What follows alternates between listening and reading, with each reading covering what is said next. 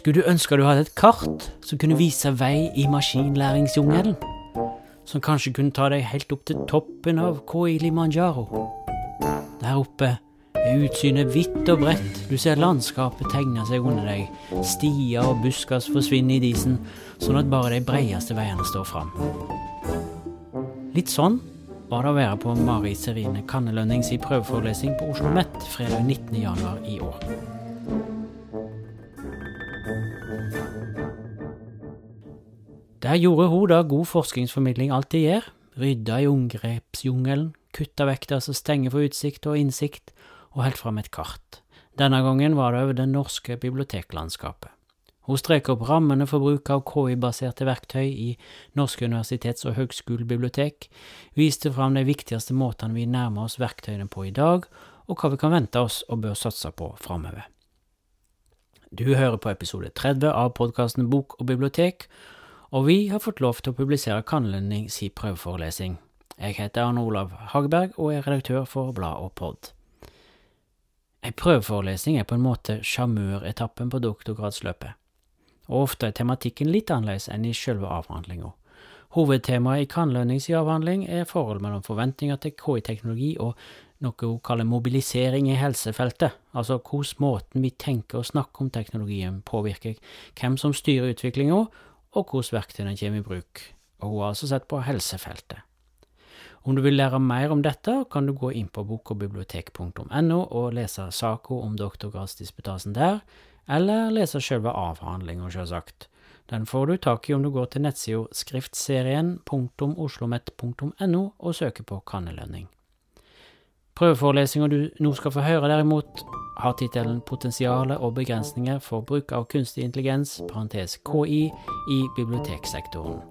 Er deg klar for en tur opp til toppen av KI Limanjaro, mens Mari Serine Kannlønning peker og forklarer.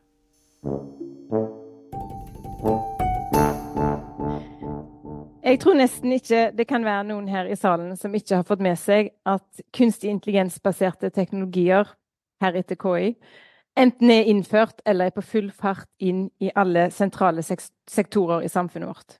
I skolen, i velferdstjenesten, i skatteetaten, domstolene og helsetjenesten, som mitt doktorgradsprosjekt handler om. En annen viktig grunnstein i samfunnet vårt er bibliotekene våre. Disse er grunnleggende for formidling av litteratur, og de er sentre for informasjon og kunnskap. Og i likhet med f.eks. helsetjenesten er de et tilbud for hele befolkningen, uavhengig av inntekt, sosial status eller geografi. Også her er KI noe man må forholde seg til. Også her er det et potensial knytta til KI, men også visse begrensninger eller utfordringer. Og nettopp dette har jeg fått i oppdrag fra min bedømmelseskomité å holde en forelesning om. Her kan, her kan dere se det spesifikke temaet jeg har fått oppgitt. Potensialet og begrensninger for bruk av kunstig intelligens i biblioteksektoren. Og her kan dere se unnskyld, hva jeg overordna vil komme inn på i mitt kommende svar på dette oppdraget. Jeg vil si noe om avgrensning, fokus og tilnærming, begrepsavklaring, teoretisk rammeverk, status for arbeid med KI i bibliotek, og til slutt potensial og begrensninger mer konkret. La oss begynne med det første punktet på dagsordenen. Siden temaet for prøveforelesningen er ganske stort og kan tolkes på flere måter, har jeg tatt noen valg for å avgrense og sette noen rammer med tanke på fokus. For det første vil jeg ta utgangspunkt i den norske biblioteksektoren. Denne består av flere bibliotektyper med forskjellige oppdrag og brukergrupper. Vi har folkebibliotek og skolebibliotek, som eies av kommunene og politisk hører inn under Kulturdepartementet, som i tillegg eier Nasjonalbiblioteket. Vi har også fag- og forskningsbibliotek, hvor de fleste eies av universitetene og høyskolene, og hører inn under Kunnskapsdepartementet. Jeg har her valgt å fokusere på det vi kaller universitets- og høyskolebibliotek eller UH-bibliotek. Fordi KI, etter min mening, vil kunne ha, eller har allerede, en stor innvirkning på de fleste av disse bibliotekenes kjerneområder. Men også på deres primærbrukeres praksiser, dvs. Si studenter, forskere og undervisere. Jeg kan her legge til at jeg i min nåværende jobb er ansatt her på Universitetsbiblioteket på Oslo OsloMet. På tross av denne avgrensningen er det ikke dermed sagt at det jeg kommer inn på, ikke er relevant for alle og overførbar til andre bibliotektyper. Nettopp fordi KI har en så stor påvirkning på UH-bibliotekenes brukere, har jeg også valgt å ikke utelukkende se på potensial og begrensninger for bruk av KI internt i bibliotekene, men også for bibliotekenes rolle utad mot brukerne og deres KI-bruk. Jeg vil ta for meg begge deler ved å se på hvordan det kommer til uttrykk i selve sektoren. Og de, sporene, de to sporene vil jeg for enkelhets skyld eh, typisk omtale samla som KI i bibliotek. Fordi UH-bibliotekene, som helsetjenesten og resten av samfunnet, er i en tidlig fase av innføring og ibruktakning av KI, har jeg også valgt å gå frem på en måte som minner om hvordan jeg har studert innføringen av KI i helsetjenesten. Det vil si at jeg vil ta utgangspunkt i noen av de begrepene jeg brukte her, nemlig forventninger og mobilisering, fordi disse gir en mulighet til å utlede både potensialet og begrensninger for KI-bibliotek, dette vil jeg komme tilbake til. Presentasjonen bygger ellers på artikler fra bibliotekforskningsfeltet og utdrag fra dokumenter og nettsider eh, fra biblioteksektoren. Som kvalitativ forsker er jeg opptatt av hva som skjer der ute. Og jeg har derfor også stilt eh, spørsmål til syv personer i UH-biblioteksektoren som enten har engasjert seg i KI-bibliotektematikken eller har lederposisjoner og involvert i eh, biblioteksamarbeid på nasjonalt nivå. Spørsmålet jeg stilte disse, handler om forventninger til KI-sektoren, hva som skjer i sektoren på området, og hvilke tanker de har om potensial og begrensninger for KI bibliotek. Jeg vil bruke noe av informasjonen herfra i presentasjonen. Som nevnt handler min forskning om KI i helsesektoren, og jeg vil derfor også bruke enkelte eksempler herfra. Før jeg vil komme for godt i gang, vil jeg gjøre noen avklaringer knytta til de to sentrale begrepene KI og UH-bibliotek, sånn at vi alle har en felles forståelse for hva dette dreier seg om. Vi begynner med KI, som noe av det som krever mest utdypning. For hva er KI? Hvorfor er det så mye KI-prat overalt for tida? Hva er det som gjør KI så spesielt? Er vi virkelig på vei inn i en ny tidsalder som mange påstår, en KI-alder, er det en teknologi som vil endre oss mennesker og våre, eh, våre samfunn mer fundamentalt enn f.eks. elektrisiteten eller internett har gjort. Et kort svar på hva KI er, er at det er veldig mye forskjellig.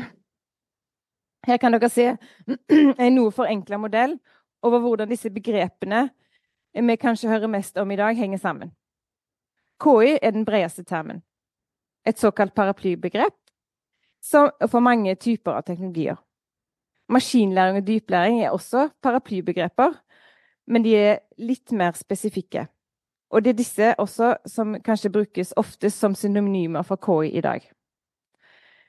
Som sagt, disse er mer spesialiserte typer som lærer av data de blir trent på under utviklingsprosessen, og gjerne også i bruk etter. Dyplæring er en mer avansert form for maskinlæring. Og den innerste her generativ KI kan eksemplifiseres med teknologier som ChatGPT, som ble lansert for litt over et år siden. ChatGPT traff samfunnet ganske plutselig og bidro til at KI på mange måter ble allemannseie. KI ble noe flere og flere fikk direkte berøring med, og lanseringen fikk særlig umiddelbare virkninger i utdannelsessektoren og påvirka dermed også bibliotekene. Når du f.eks. stiller et spørsmål til Eller gir en kommando til ChatGPT, som her, genererer den et svar på beregning, basert på en beregning av hvilke ord som mest sannsynlig hører sammen i en tekstsekvens. Det handler altså om statistikk og sannsynlighetsberegning. Et annet eksempel på et verktøy som henvender seg enda mer spesifikt til studenter og forskere, og som bygger på generativ KI, er Site. Dette verktøyet kan på samme måte som ChatGPT generere tekst basert på kommandoer, og som, som eksempel her viser. I tillegg settes reelle kilder eh, fra vitenskapelig tidsskrift inn i teksten. I motsetning til ChatGPT, som som oftest serverer deg falske, oppdikta kilder. Teksten Site genererer ligner altså forveksling til en alminnelig akademisk tekst skrevet av en forsker eller en student, selv om kvaliteten kan vel diskuteres. Den viser også kildene i høyre side, sånn at du lett kan sjekke relevansen, se hvor ofte den er sitert osv., og, og hvor i teksten argumentet henter fra. Et tredje og siste eksempel jeg vil vise, er Kinius. Dette er ikke generativ KI, men verktøy inneholder komponenter av maskinlæring. Og her kan dere se at jeg har eh, kopiert inn teksten som ChatGPT genererte for meg i stad. Um, og i høyre side i Word foreslår Kinius kilder som kan være relevante for teksten. Altså det er en type informasjonssøking hvor du, bruk, hvor, du, hvor du, som bruker ikke trenger å gjøre noe aktivt for å søke. Selv om KI opererer på klassisk datamaskinvis, de mottar data, prosesserer de og gir et resultat, og det innenfor spesifikke områder de er satt til å operere i, så har KI-teknologier noe eksepsjonelt ved seg likevel. For det første Nei, sorry. Kan de lære på egen hånd. Når de i bruk eksponeres for nytt innhold, eller blir korrigert for feil. Dette er vel å merke hvis de er satt til å lære i bruk. Noe som f.eks. ennå ikke er mulig når det handler om KI for behandling av pasienter i helsetjenesten. For det andre, som vi har sett, kan de løse oppgaver som tidligere har krevd menneskelige kognitive evner å løse. De kan også gjøre noe av disse oppgavene bedre enn mennesker, bl.a. fordi de kan prosessere uendelig mye mer data, gjøre flere koblinger mellom disse enn oss, og i tillegg på ekstremt kort tid. De får altså til noe på et område hvor vi mennesker frem til nå kanskje har vært de mest suverene. Og så er det samtidig så vet vi at bruken av KI kan ha uforutsette og negative konsekvenser. Blant annet fordi dataen de er trent på, typisk er menneskeprodusert, og teknologiene derfor kommer til å arve og forsterke de ulike eh, fordommene som finnes i disse dataene. Samtidig kan de være trent på ikke-representative data på det området teknologien brukes innenfor. I helse kan det f.eks. bety at enkelte pasientgrupper får dårligere behandling enn andre eller i verste fall dør fordi de gjør feil, gjøres feil. Mens det i akademia kan bety at misinformasjon spres, noe som igjen kan bidra til at samfunnets tillit til forskning svekkes. Det er med andre ord også enorme utfordringer knytta til KI-bruk, særlig relatert til ulike former for etikk og personvern. Derfor er det også viktig å ta for seg tematikker som tema for denne prøveforelesningen i alle sektorer. Hva er det vi står overfor med KI? Hva er det KI kan brukes til? Hva kan det ikke brukes til? Hva er det vi vet og ikke vet? Og hvordan vil vi forholde oss til det? Den andre, litt kortere avklaringen jeg vil gjøre før jeg fortsetter, er knytta til hva UH-bibliotekene er eller kan være. Ifølge Nasjonal bibliotekstrategi for 2020-2023 skal UH-bibliotekene sikre at forskere og studenter får tilgang til oppdatert og kvalitetssikra kunnskapskilder, og bidra til økt kvalitet i høyere utdanning. Men de skal også være kunnskapshus for hele befolkningen. I tillegg finner vi formuleringer som at bibliotekene er demokratihus, og dette gjelder da for alle typer bibliotek i samfunnet. Så Med det på plass kan vi gå videre. Og jeg vil straks introdusere de teoretiske begrepene jeg vil bruke som utgangspunkt for å se på potensialet og begrensninger for KI i bibliotek. Men først vil jeg knytte noen ord til hvorfor disse begrepene er valgt. Nettopp fordi KI kan være ganske mye forskjellig, og vi er i en tidlig fase av utviklingen, er KI vanskelig å ta stilling til, forstå konsekvensene av og gjøre tiltak på uansett sektor. Dette så jeg bl.a. i mine studier av helsetjenesten, hvor diskusjonene av muligheter og utfordringer ved KI primært baserte seg på forventninger og lite på erfaringer og kunnskap med faktisk bruk. Altså bevis på at teknologiene faktisk fungerer på en god måte og har en nytteverdi for brukerne. At vi befinner oss i denne prosessen, hvor noe er ved å ta form, setter noen kriterier for valg av ramme for å prøve å forstå hva dette noe handler om. I min forskning, illustrert ved den røde her, som plasserer seg i informasjonsvitenskapsdelen av det tverrfaglige feltet bibliotek og informasjonsvitenskap, eller LIS, som vi ofte kaller det, bruker begreper og konsepter fra et annet tverrfaglig felt, nemlig vitenskap og teknologistudier, eller Science and Technology Studies, STS. Grunnen til dette er ikke bare fordi jeg studerer noe som er i prosess, men også fordi vi over, det vi står overfor med KI, er en type informasjonssystemer som endrer den menneskelige informasjonsatferden og, eller, og, eller våre informasjonspraksiser, som ellers er to sentrale LIS-begreper. Som vi har vært inne på, kan KI potensielt sett i større grad ta over for mye av det informasjonsarbeidet som har ligget hos mennesker til nå, og endre praksisene våre dramatisk. Det er altså snakk om en helt ny rollefordel mellom menneske og maskin. Og for å bedre forstå hva dette kan dreie seg om, Ehm, er det, sånn jeg ser det, nyttig å se til andre felt hvor nettopp det prosessuelle i teknologiutvikling, menneske-maskin-relasjoner og teknologisk endring står sentralt, som det gjør innenfor STS. Forskere som assosieres med STS, tar dessuten avstand fra teknologideterminisme og argumenterer for at hva teknologier ender med å bli og være i et samfunn, er konstruert av et nett av ulike aktører, som f.eks teknologer, brukere, myndigheter og andre beslutningstakere. Her kan også teknologiene ses på som sentrale aktører, noe forskere innenfor aktørnettverksteori innen STS gjør. De, altså teknologiene er aktører i det de påvirker andre til å handle. De får andre til å handle, og samtidig blir de brukt andre gjennom andres handlinger. Noe ChatGPT er et godt eksempel på. Med dette som bakteppe vil jeg fokusere på det som gjerne er drivere i tilblivningsprosesser som dette. Nemlig forventninger og mobilisering. Og det er mobiliseringen av aktører som disse forventningene bidrar til. Som igjen er med til å konstruere hvordan teknologiene eventuelt blir en del av samfunnet.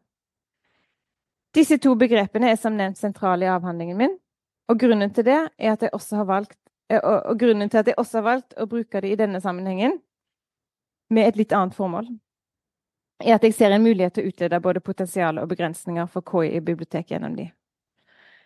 Både forventningene i sektoren og mobilisering som skjer, sier noe om hva det oppfatta potensialet kan være. Og samtidig er det som sies og gjøres, også med til å tydeliggjøre svakheter i denne riggingen. Hvilke begrensninger det kan være. Det vil jeg tydeliggjøre senere. Først vil jeg introdusere begrepene litt mer. La oss starte med forventninger.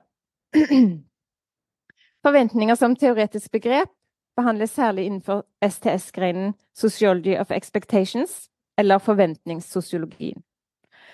Her ses bredt delte teknologiske forventninger som noe som spiller en performativ rolle i teknologisk utvikling.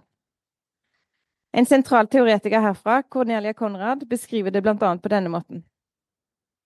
Expectations that are widely shared in a societal field motivate and guide innovation actors. Ifølge van Lente er den performa denne performativiteten særlig knytta til tre elementer ved forventninger, eller effekter, kan man også si. 1. de inkluderer typisk en visjon om fremgang eller en løsning på et problem, altså et potensial, som fungerer som en legitimering for ressursene som investeres for å nå den forestilte framtiden. To, de viser retning for arbeidet som må gjøres i forhold til dette. Og tre, de har en koordinerende effekt i det de gjerne sier noe om hvordan arbeidet best koordineres blant ulike aktører. Her kan dere se et eksempel på en sånn forventning. Dette er deler av regjeringens fremtidsvisjon for KI helse, Kunstig intelligens gjør det mulig å utnytte våre felles helsedata til å tilby raskere og, og mer presis diagnostisering, bedre behandling og mer effektiv ressursbruk. Denne visjonen legitimerer de bl.a. med å referere til eldrebølgen og mangel på helsepersonell. Teksten som kom i forbindelse med visjonen, sier også noe om hvordan de ser for seg at dette målet skal nås, og i samarbeid med hvem, som f.eks. aktører i privat sektor.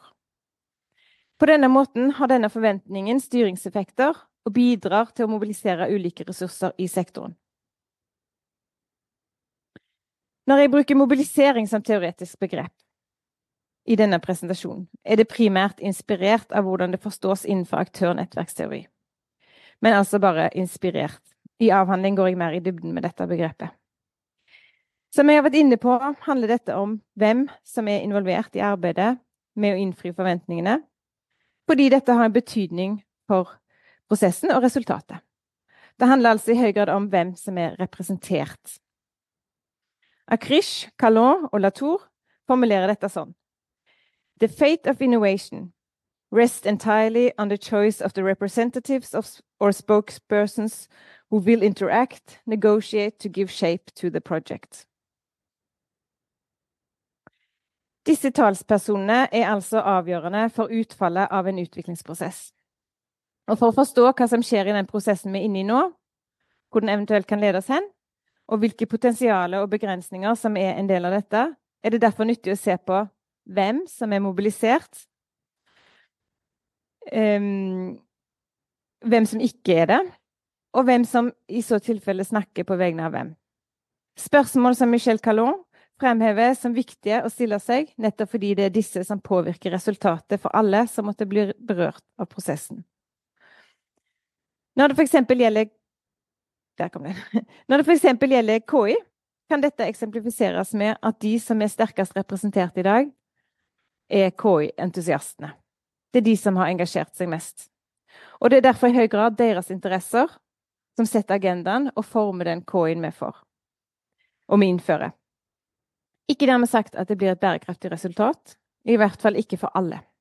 Som for eksempel de som ikke har fått vært med i prosessen.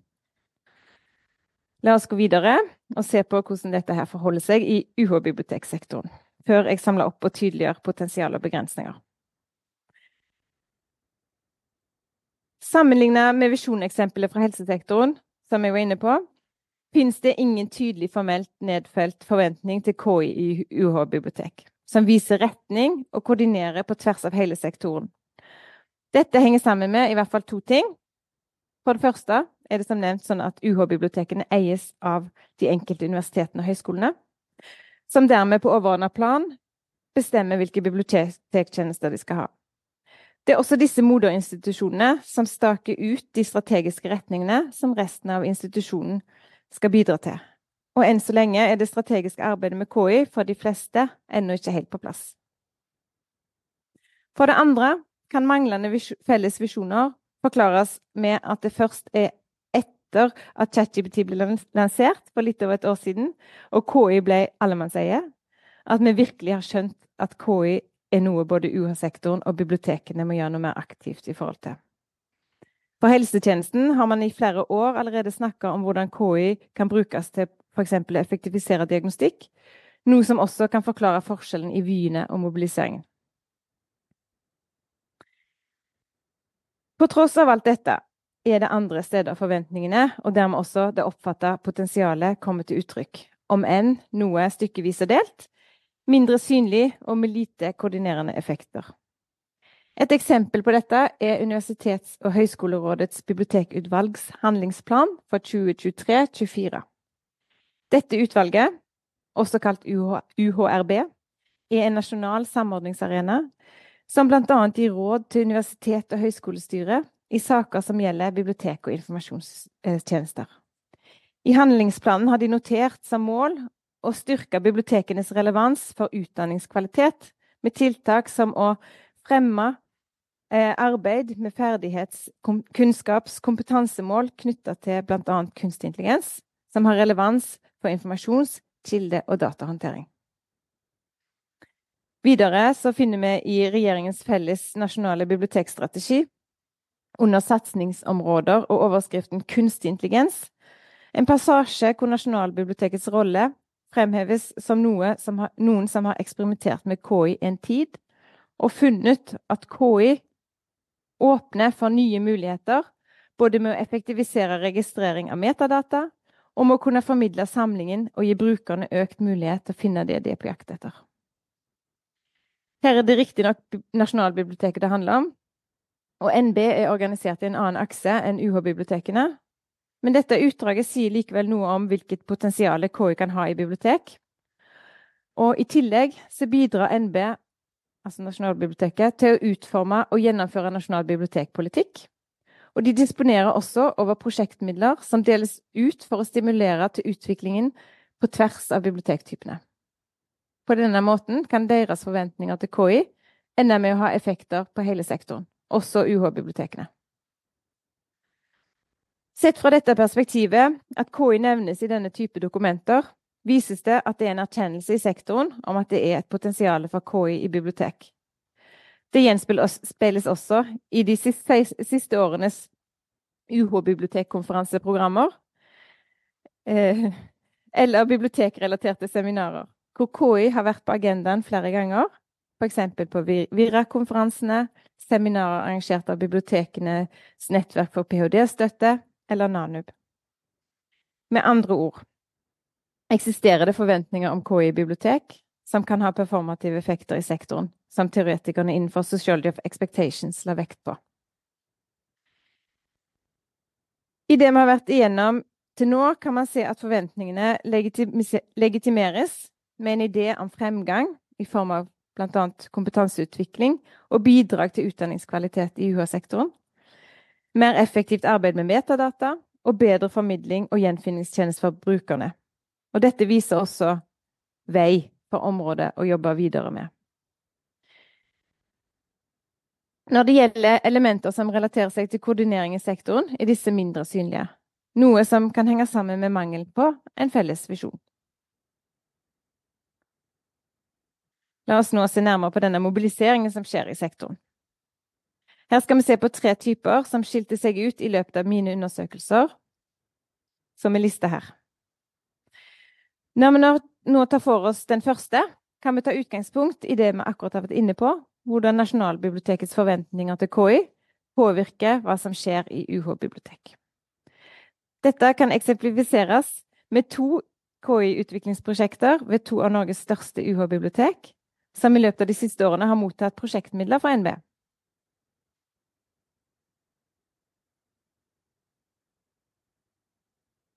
Ja, det var den første typen, da. Det første prosjektet jeg vil fremheve, er fra 2023 og eies av Universitetsbiblioteket i Bergen. Dette retter seg mot KI-bruk internt i bibliotek og har tittelen 'Den kunstige bibliotekaren muligheter og holdninger knytta til KI-basert katalogarbeid'. Det overordnede målet for dette forprosjektet er å øke kompetansen og forståelsen for KI-baserte verktøy, og hvordan disse helt konkret kan benyttes til å sikre både effektivitet og kvalitet i det daglige katalogarbeidet. Det andre eksempelet er et prosjekt fra biblioteket på Universitetet i Oslo, som fikk midler fra NB allerede i 2017. Prosjektet med tittelen 'Kunstig intelligens i bibliotek' hadde som mål å utforske muligheter og utfordringer og bruksområder for KI, og var her veldig tidlig ute med å signalisere at de, på UBO, så et potensial for KI i bibliotek. Disse to prosjektene viser at det er en mobilisering som foregår gjennom utviklingsprosjekter på de største bibliotekene. Og man kan si at om NB ikke hadde hatt en forventning om at KI har et potensial i sektoren, så hadde de kanskje heller ikke fått en støtte. Den andre mobiliseringen, type mobilisering, er enkeltpersoninitiativer på bibliotek. Den er mindre synlig og ikke formalisert, og nettopp derfor vil det som kommer nå, primært bygge eh, på informasjon fra samtalene mine med folk i sektoren under forberedelsen av forelesningen. En av de jeg snakka med, svarte dette på spørsmålet om hvordan det ble jobba med KI på bibliotekene. Det er typisk enkeltpersoner som interesserer seg særlig for KI, og som derfor har begynt å se på hvordan de kan bruke det i jobben sin. Det vil si at denne type mobilisering er kjennetegnet med å være drevet av enkeltpersoner. Et annet eksempel på denne typen er det noen av de jeg snakka med, kalte ildsjeler. som er særlig interesserte personer som fører an i arbeidet med KI bibliotek. Disse enkeltpersonene har ikke fokus på KI innenfor et område, men derimot jobber de for å få til en mobilisering i hele sektoren. Her ble det typisk referert til en helt spesifikk person, Andreas Gasparini fra Universitetsbiblioteket på UiO, som også var ansvarlig for utviklingsprosjektet fra 2017, som jeg var inne på i stad. I tillegg kan det argumenteres for at noen av de jeg snakka med som refererte til Gasparini, også sjøl faller inn under denne kategorien. Et godt eksempel på hva denne type arbeid kan gå ut på, er Gasparini og Kautonens åpne, tilgjengelige rammeverk, som dere ser her. Dette kan brukes av bibliotek som ønsker å utforske eller ta i bruk KI. Hjulet her er bl.a. utvikla sammen eh, gjennom workshops med bibliotekarer. Og viser hvordan det er et oppfatta potensial for KI i de fleste av bibliotekenes kjerneoppgaver, som til innkjøp av materiale, til arbeid med metadata, til samlingsutvikling, systemutvikling, informasjonssøk, informasjonskompetanse, som f.eks. kildekritikk, støttetjenester, som til kunnskapsoppsummeringer, og til slutt innenfor ledelse og administrasjon.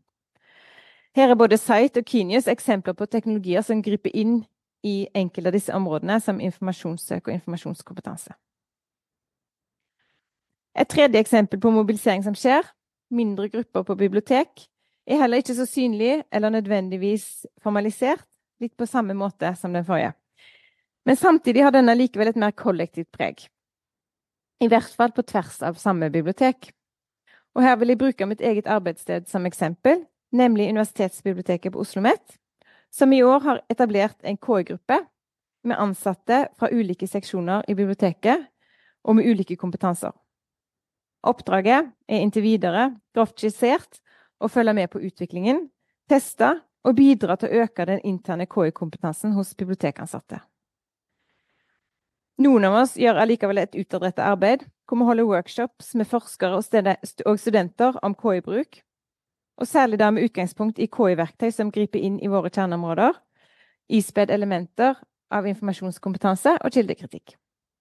Sånn har biblioteket også tatt en slags fasilitatorrolle for samtaler rundt KI i forskning og utdanning.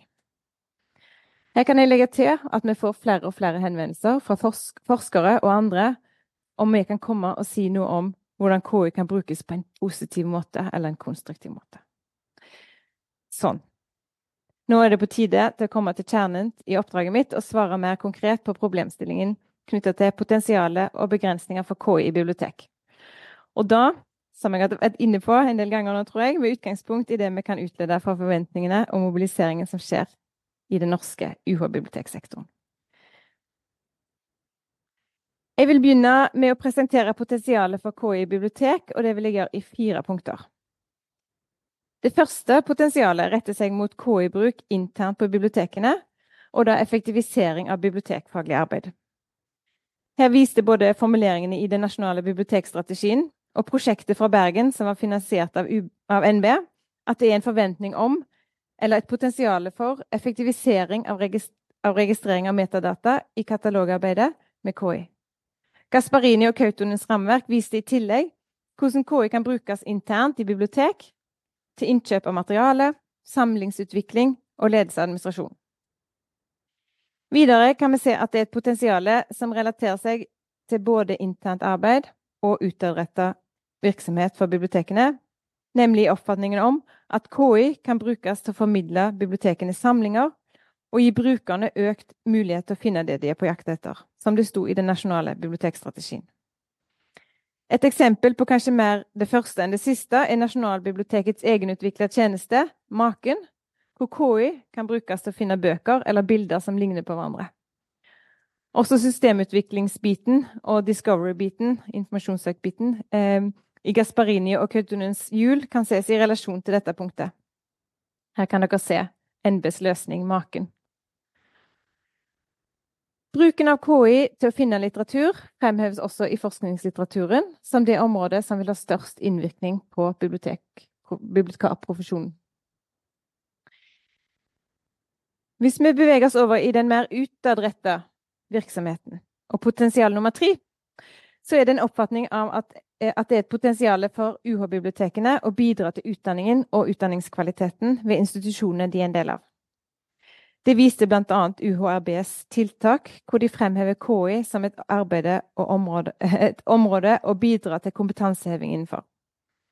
Men også hjulet fra Gasparini og Kautonen, som viste hvordan biblioteket kan gjøre en jobb knytta til KI og informasjonskompetanse. Altså det å være i stand til å finne litteratur, og kritisk vurdere kvaliteten av både kildene og KI-verktøyet, som f.eks. Kenius og Site. Også knytta til forskere og forskning er det et potensial for bibliotekene på KI-området. Som f.eks. det å ta på seg en fasilitatorrolle for diskusjoner og kritisk tenkning rundt KI-teknologi og bruk.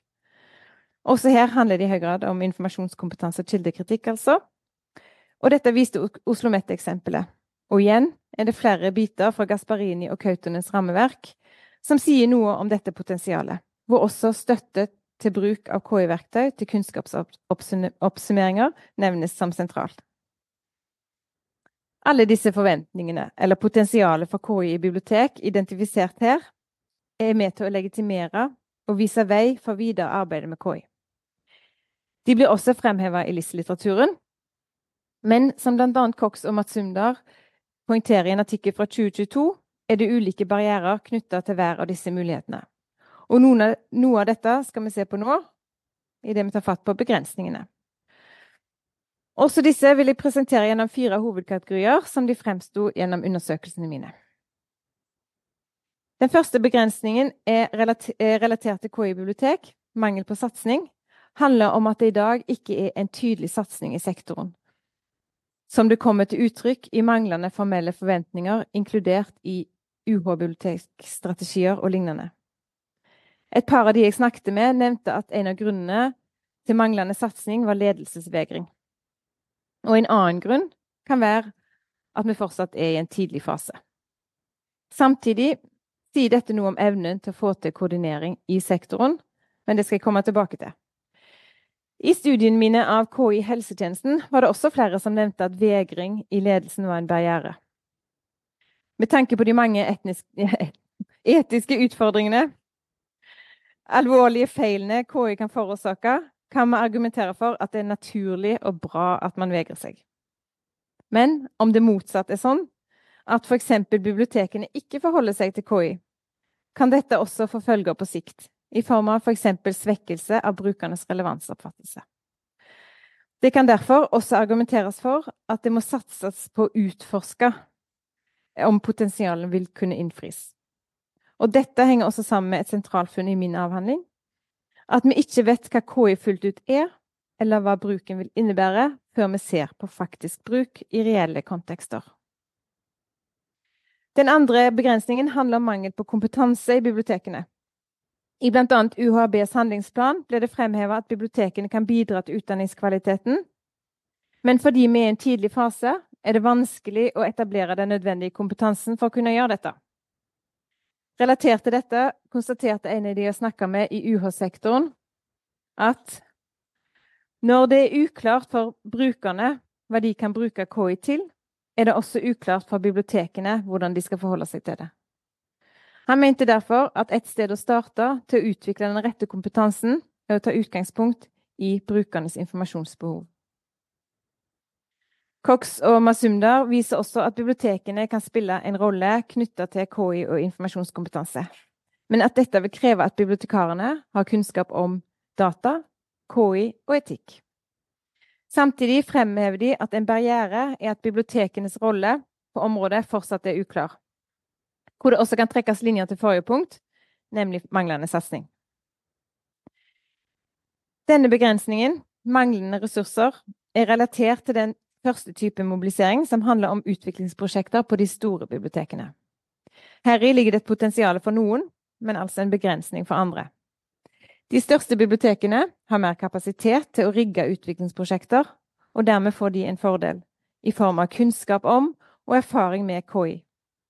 De er altså de sterkeste representantene i mobiliseringen som skjer, og står dermed også sterkest når det kommer til å sette en agenda for KI i bibliotek. De mindre bibliotekene har f.eks. ikke nødvendigvis ressurser til å ansette folk som kan utvikle tjenester til studenter og forskere. påta seg en fasilitatorrolle, eller tilpasse bibliotekfaglige KI-systemer til lokal bruk, som Cox også fremhever vil kreve mye ressurser. De er dermed heller ikke med til å forme utviklingen som bibliotekene er inne i, på samme måte som de som har flere ressurser. Et resultat av dette kan være at, andre, som ikke nødvendigvis ivaretar deres interesser til det fulle, blir deres talspersoner og former utviklingen på deres vegne, noe som kan vise seg å slå feil for de mindre senere. Når det er sagt, kan ressursbegrensningene også ramme de store bibliotekene. KI kan nemlig ses som en ferskvare. KI-landskapet endrer seg hele tida. Algoritmer oppdateres eller kjøpes opp av virksomheter som kanskje bruker dataene våre på andre måter enn tidligere, og dermed bringer nye personvernutfordringer på banen.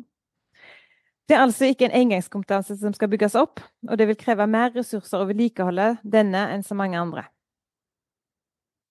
I forlengelse av dette ferskvareperspektivet og hva det krever av ressurser, er den siste begrensningen jeg vil ta med, nemlig manglende koordinering.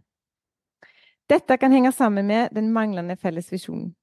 Men det kan også utledes av at det vi så i forbindelse med eh, mobilisering to og tre, som foregår i bibliotekene, gjennom enkeltpersoner og initiativer eller arbeidet til mindre grupper.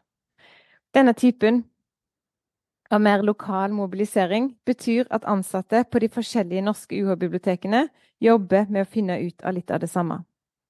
Det ligner altså en tuebasert mobilisering som kan ha ganske fragmenterte, men også overlappende resultat. På bakgrunn av dette kan man si at med tanke på forrige punkt, mangel på ressurser, vil mer koordinering blant bibliotekene kunne bidra til å innfri på forventningene og det oppfatta potensialet av KI i bibliotek. Helt på tampen vil jeg ta med en siste betraktning fra en bibliotekforskerkollega, som kom i forlengelse av spørsmålet om mer og mer bruk av KI-teknologi i samfunnet kan føre til at folk går utenom biblioteket.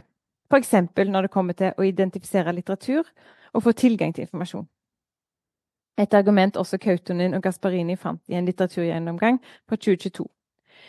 Min kollega poengterte, poengterte som svar at vi så lignende, et lignende argument i sektoren på 1990- og 2000-tallet.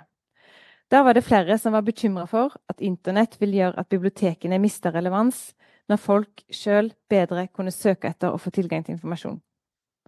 Men det viste seg jo tvert imot. At folk kom til biblioteket for å få hjelp til internett, bl.a. fordi det er vanskeligere å finne den rette informasjonen og vurdere kvaliteten. En annen grunn kan være at bibliotekene også tok trusselen til seg og jobba aktivt for relevans. Det samme skjer nå. Brukerne, men også ledelsen på universitet og høyskoler, ber bibliotekene om hjelp til å navigere i KI-landskapet. Inntil videre vet vi ikke hva utfallet av denne prosessen blir når det gjelder bibliotekenes rolle i en potensiell KI-alder, eller ei. Det vil kun en utforskning av relasjonene mellom mennesker, eller studenter, forskere og bibliotekarer, og KI, samt bibliotekenes evne til å forbinde seg til denne relasjonen, kunne gi svar på. Dagens status er med andre ord den samme i biblioteksektoren som i helsetjenesten. Som en av mine informanter der påpekte, folk vet at det kommer noe, men de vet ikke hvordan det kommer til å treffe dem. For å avslutte i biblioteksektoren vil jeg helt til slutt også ta et, et sitat fra en av de jeg snakka med under forberedelsene. Jeg tror litt på at dette K-utviklingen kan sammenlignes med en atombombe som eksploderer sakte i alt vi holder på med. Her vil jeg poengtere at atombombemetaforen ikke skal forstås som noe utslettende, men mer som noe som kommer til å treffe oss massivt, både i bibliotek og samfunn. Takk for at du lytta. Om tematikken interesserer deg, vil jeg tipse om artikkelserien skriven av journalisten Anlov Peter Mathisen, som vi har gående i papirutgave av Bok og bibliotek, og selvsagt òg på nett, om KI i litteratur og bibliotek. Del tre kommer i utgave 1.24, som har utgivingsdato 16. februar. I den utgaven finner du òg en hands on-artikkel fra bibliotekarene Andreas Fagervik og Karen Marie Øvern ved NTNU Universitetsbiblioteket Campus Gjøvik, som ganske enkelt heter Vi tester kunstig intelligens. Her oppsummerer de to sine erfaringer med hele 15 forskjellige KI-verktøy som de har tatt i bruk. Gull verdt for oss andre. Ellers håper jeg vi sees i Haugesund 17.–19. april. Da er det bibliotekmøte 2024 der, og hele redaksjonen i Bok og bibliotek vil være til stede. Altså jeg. Kom og si hei. Jeg setter stor pris på å treffe både gamle og nye bekjente. Bruk gjerne høvet til å komme med innspill til hva du syns bok og bibliotek bør gjøre mer av eller mindre av. Du kan tipse meg om saker og tematikk, du kan lufte en skriveidé, eller bare si hei og snakke om været, f.eks.